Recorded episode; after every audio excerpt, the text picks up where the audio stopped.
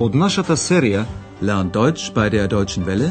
Учете германски со Deutsche Welle, чујте ја серијата Deutsch, warum nicht? Германски зошто не?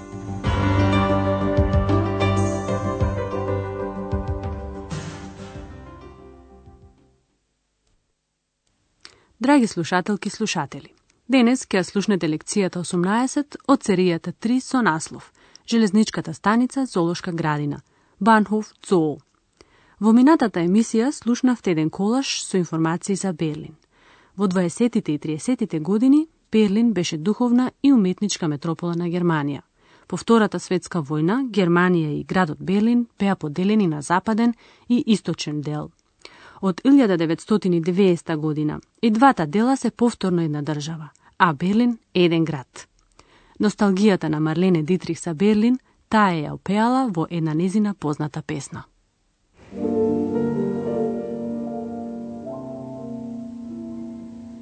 Ich hab noch einen Koffer in Berlin.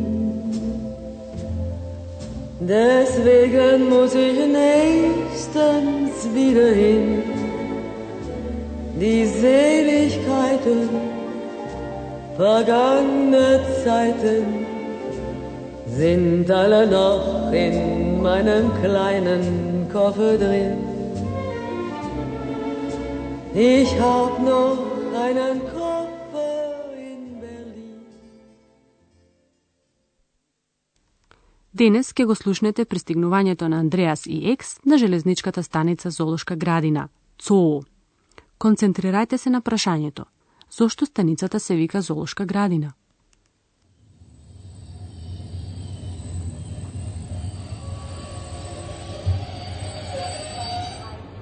Berlin, Bahnhof Zoo. Komm, Ex, wir müssen aussteigen. Warum? Willst du in den Zoo gehen? Nein, der Bahnhof heißt so. Warum? Weil der Zoo ganz in der Nähe ist. Ein Zoo mitten in der Stadt? Ja, weil der Zoo schon 150 Jahre alt ist. Und damals war Berlin noch nicht so groß. Warum? Warum? Warum ist die Banane krumm? Weiß ich nicht. Weil du zu viel fragst. Jetzt komm endlich. Железничката станица се вика Золошка градина, бидејќи се наоѓа во близината на Золошката градина. Слушнете го разговорот уште еднаш поточно. Кога Андреас и Екс стигнуваат на станицата Золошка градина, Андреас и вели на Екс. Дојди Екс, треба да се симнеме. Ком Екс, wir müssen aussteigen. Екс го слуша само зборот Золошка градина и го прашува Андреас дали сака да оди во Золошката градина. Warum? Willst du in den Zoo gehen? Меѓутоа, Андреас нема таква намера и ја објаснува на Екс дека станицата се вика така. Nein, der Bahnhof heißt so. Екс сака да ја знае причината за тоа и Андреас ја објаснува, бидејќи зоолошката градина се наоѓа во близина. Warum? Weil der Zoo ganz in der Nähe ist. Екс се чуди дека зоолошката градина се наоѓа сред град, mitten in der Stadt. Ein Zoo mitten in der Stadt? Андреас и објаснува на Екс дека зоолошката градина е стара веќе 150 години, а тогаш Берлин се уште не бил толку голем. Ja, weil der Zoo schon 150 Jahre alt ist. Und damals war Berlin noch nicht so groß. Warum? Екс го нервира Андреас, бидејќи постојано прашува зошто. Андреас повеќе не ја одговара, туку и самиот поставува прашање што не може да се одговори. Зошто? Зошто е бананата крива? Warum? Warum ist die Banane krumm? Оваа реченица се употребува пред се во разговор со помали деца, кога сакаме да им објасниме дека не сакаме да одговараме повеќе на прашања.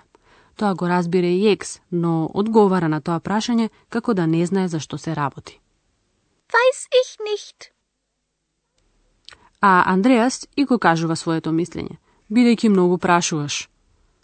Weil du zu viel fragst. Андреас сега сака што побргу да стигне кај неговите пријатели, каде ќе престојува првите ноќи од посетата на Берлин. Но Екс не го остава намир. Таа откри една црква, ке дехни скијаќе. Таа беше разрушена за време на војната, Крик, и е задржана како рушевина. Таа е белек на Берлин и централно место каде се среќаваат посебно млади луѓе. Слушнете го едноставно вториот дел од разговорот. Schau mal, die Kirche ist ja kaputt. Ja, das ist eine Ruine. Warum? Der Krieg hat die Kirche zerstört und als Erinnerung sollte sie so zerstört stehen bleiben. Das wollten die Berliner so. Gehen wir da rein? Nein, Ex, jetzt nicht. Jetzt fahren wir in die Kantstraße. Warum? Weil wir da schlafen. Da wohnen meine Freunde. Und was ist mit Dr. Thürmann? Den rufe ich dann an. Екс ќе види една црква, кирхе, која што е срушена. Кога прашува зошто е тоа така, таа се изразува многу несоодветно. Schau mal, die Kirche ist ja kaputt. Андреас си објаснува дека се работи за рушевина, руине. Ja, das ist eine Ruine. Рушевината е од Втората светска војна. Андреас вели, војната ја разруши црквата. Der Krieg hat die Kirche zerstört. Андреас го продолжува своето објаснување. И како сеќавање, таа требаше да остане вака срушена. Und als Erinnerung sollte sie so zerstört stehen bleiben. За тоа се одлучиле граѓаните на Берлин.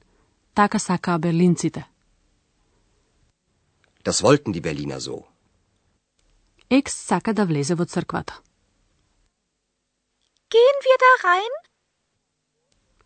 Но за тоа за жал нема време, бидејќи Андреас сака да оди во Кантштрасе. Nein, Ex, jetzt nicht. Jetzt fahren wir in die Kantstraße. Таму ќе спијат Андреас и Екс, бидејќи таму живеат пријателите на Андреас. Warum? Weil wir da schlafen. Da wohnen meine Freunde.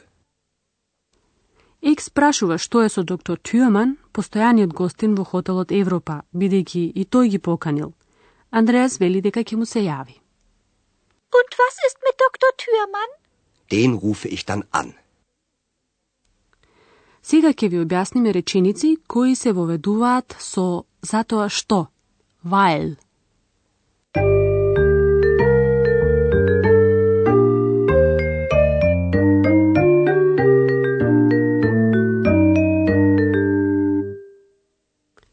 Веќе знаете дека речениците можат меѓу себе да се поврзуваат.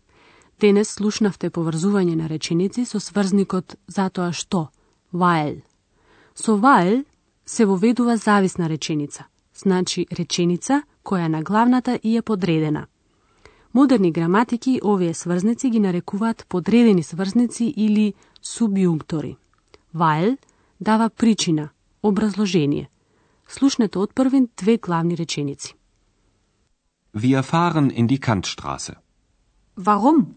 Wir schlafen da. Слушнете ги сега двете реченици поврзани со сврзникот while, значи како главна и зависна реченица. Wir fahren in die Kantstraße, weil wir da schlafen. Глаголот во зависната реченица стои секогаш на крајот. Слушнете го тој пример уште еднаш. Wir fahren in die Kantstraße, weil wir da schlafen. Зависните реченици не можат да стојат сами. Нив секогаш им е потребна главна реченица на која ќе се однесуваат. Во секојдневниот говор најчесто нешто се скратува, при тоа може да отпадне дури и најважната, главната реченица. Слушанете најпрвен еден пример со прашањето Warum. Warum heißt der Bahnhof so? Во целосниот одговор на тоа прашање би се содржало и прашањето, а тоа би гласело Der Bahnhof Zoo heißt so, weil der Zoo ganz in der Nähe ist. Но одговорот што би се употребил би бил пократок и би гласел. Weil der Zoo ganz in der Nähe ist. Кога сакаме да ја дознаеме причината, поставуваме прашање што би се вовело со прашалниот збор со што. Warum? Warum ist der Zoo mitten in der Stadt? Но може да се праша и пократко, односно поиндиректно, како на пример екс. Zoo mitten in der Stadt? Слушнете го сега одговорот. Ja, weil der Zoo schon 150 Jahre alt ist. Und damals war Berlin noch nicht so groß.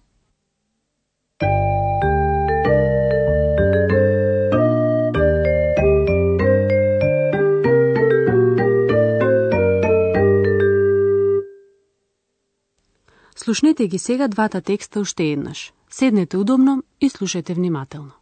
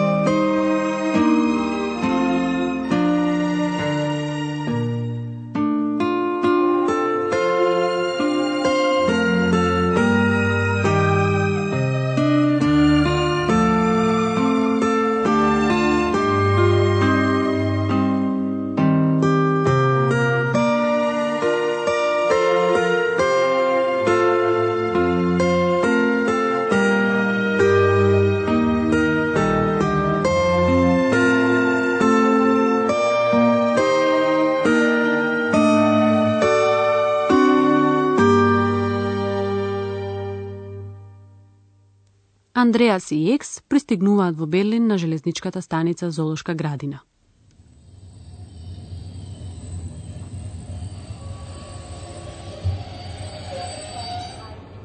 Berlin, Bahnhof Zoo. Komm, Ex, wir müssen aussteigen. Warum? Willst du in den Zoo gehen? Nein, der Bahnhof heißt so. Warum? Weil der Zoo ganz in der Nähe ist. Ein Zoo Ja, weil der Zoo schon 150 Jahre alt ist. Und damals war Berlin noch nicht so groß. Warum? Warum? Wa- Warum ist die Banane krumm? Weiß ich nicht. Weil du zu viel fragst. Jetzt komm endlich. Екс јас догледува Гедехниskirche, една рушевина која треба да подсеќа на Втората светска војна. Schau mal, die Kirche ist ja kaputt. Ja, das ist eine Ruine. Warum? Der Krieg hat die Kirche zerstört. Und als Erinnerung sollte sie so zerstört stehen bleiben. Das wollten die Berliner so. Gehen wir da rein? Nein, Ex, jetzt nicht. Jetzt fahren wir in die Kantstraße. Warum? Weil wir da schlafen. Da wohnen meine Freunde. Und was ist mit Dr. Thürmann? Den rufe ich dann an. Во следната емисија ќе ги придружуваме Екс, Андреас и доктор Тюаман на една прошетка низ Берлин. До тогаш до слушање. Тоа беше германски Зошто не? Радиоговорен курс на Херат Мезе во продукција на Дојче Веле и на Гетовиот институт од Минхен.